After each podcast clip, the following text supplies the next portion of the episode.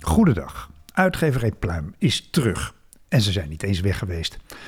Want dit is de podcast waarin we u laten kennismaken met boeken en auteurs die samen het najaarsaanbod van Uitgeverij Pluim vormen.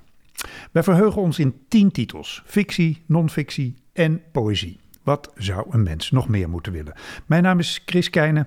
Ik wens u veel luisterplezier.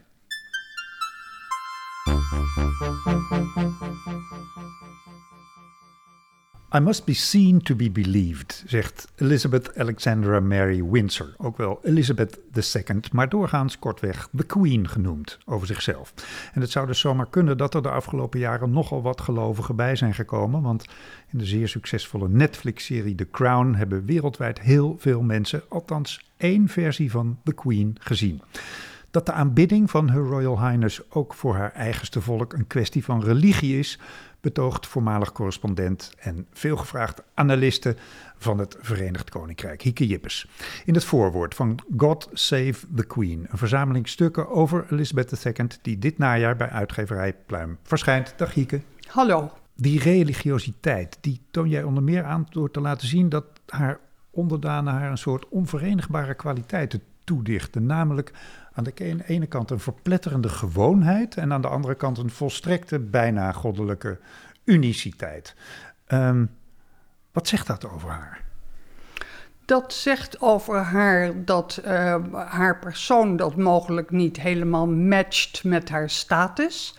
Maar het is wel zo dat de positie van een vorst in Engeland een andere is dan bij ons. Hè. Zij wordt echt gekroond. Hij wordt een kroon op het hoofd gezet, anders dan bij ons. Ze wordt gezalfd. Ze is ook hoofd van de Anglikaanse staatskerk. Um, zij, uh, en, en wat uh, haar sterk maakt, uh, wat elke vorst sterk maakt in Groot-Brittannië, is het feit dat ze zo'n ontzettend lange traditie achter zich heeft, die als het ware dwingt tot het voortzetten van die traditie ook in moderne tijden dat um, er een gevoel van bestendigheid van die kroon uitgaat. Mm -hmm. En zeker van de persoon van de koningin, die in dit geval langer dan Victoria uh, al bijna 70 jaar op de troon zit. Ja, precies, want je zegt als het ware dwingt, maar je beschrijft ook dat, dat die dwang, dwang wel heel erg groot is. Hè? Je beschrijft haar haar voornaamste dilemma, haar spagaat.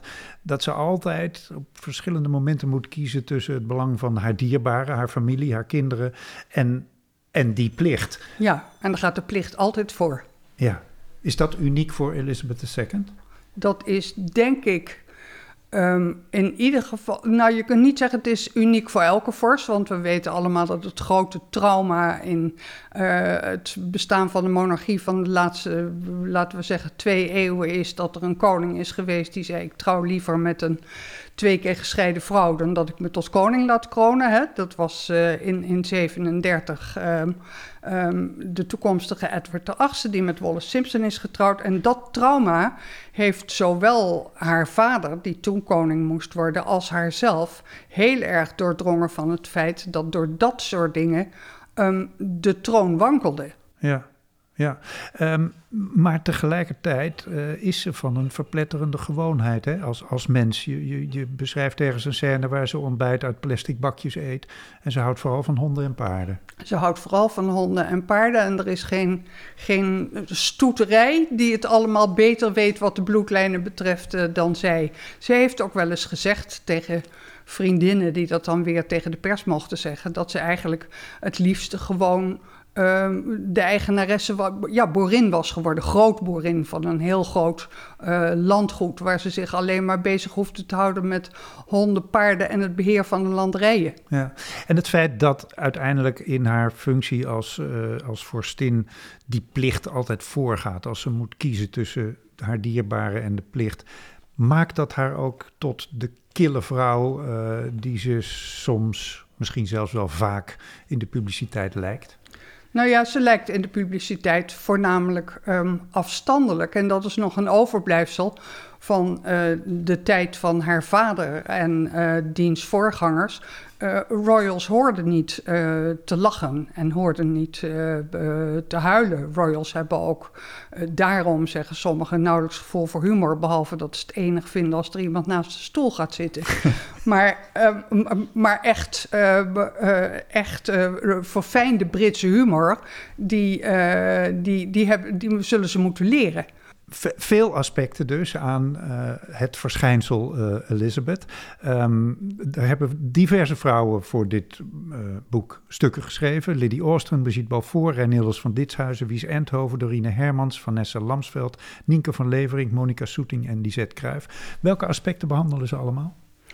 Allerlei um, aspecten waarin ze zich, natuurlijk zichzelf uh, meebrengen. Hè. Wies Enthoven bijvoorbeeld uh, heeft een erg leuk stuk geschreven over de koningin als typische oudste dochter. Die heeft eerder een boek over wat oudste dochters gemeen hebben uh, geschreven. Wat ik zelf een heel leuk stuk vond was dat van Vanessa Lamsveld, die um, deze 94-jarige koningin vergelijkt met haar eigen oma, die van een soortgelijke uh, jaargang is. En daarin de overeenkomsten en verschillen. Dus allebei nog net niet achter de rollator, uh, maar wel de lift nemen. Uh, wat koningin betreft uh, niet meer die zware kroon van een kilo op haar hoofd bij de opening van het parlement. Ze doet dus wel concessies aan haar leeftijd.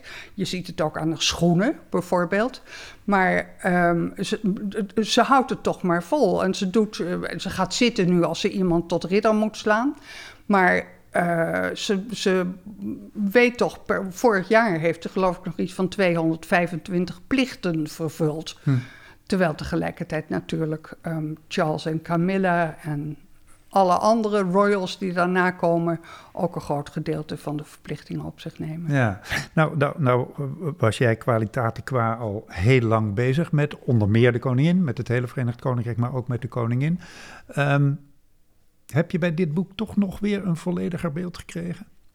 Ja, omdat het um, andere mensen zijn die naar haar kijken dan Britse royalty watchers.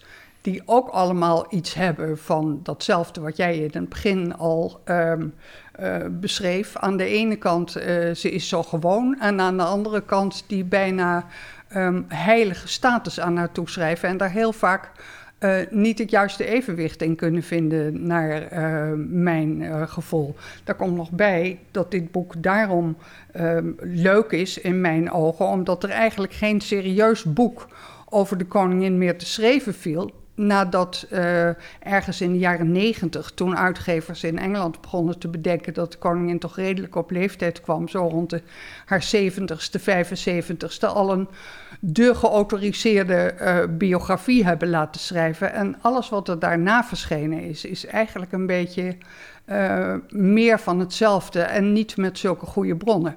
En dit is dus leuk omdat het weer hele andere blikken zijn van Nederlandse vrouwen die er toch net even anders tegenaan kijken. Precies, het is, het is allemaal niet nieuw, maar het is juist die, die eigen inkijk die het geheel samen zo origineel maken. Hartelijk dank. Hieke Jippes, we hadden het over God Save the Queen en dat verschijnt op 22 oktober 2020.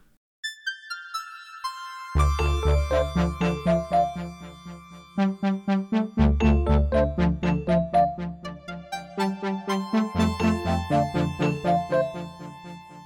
you.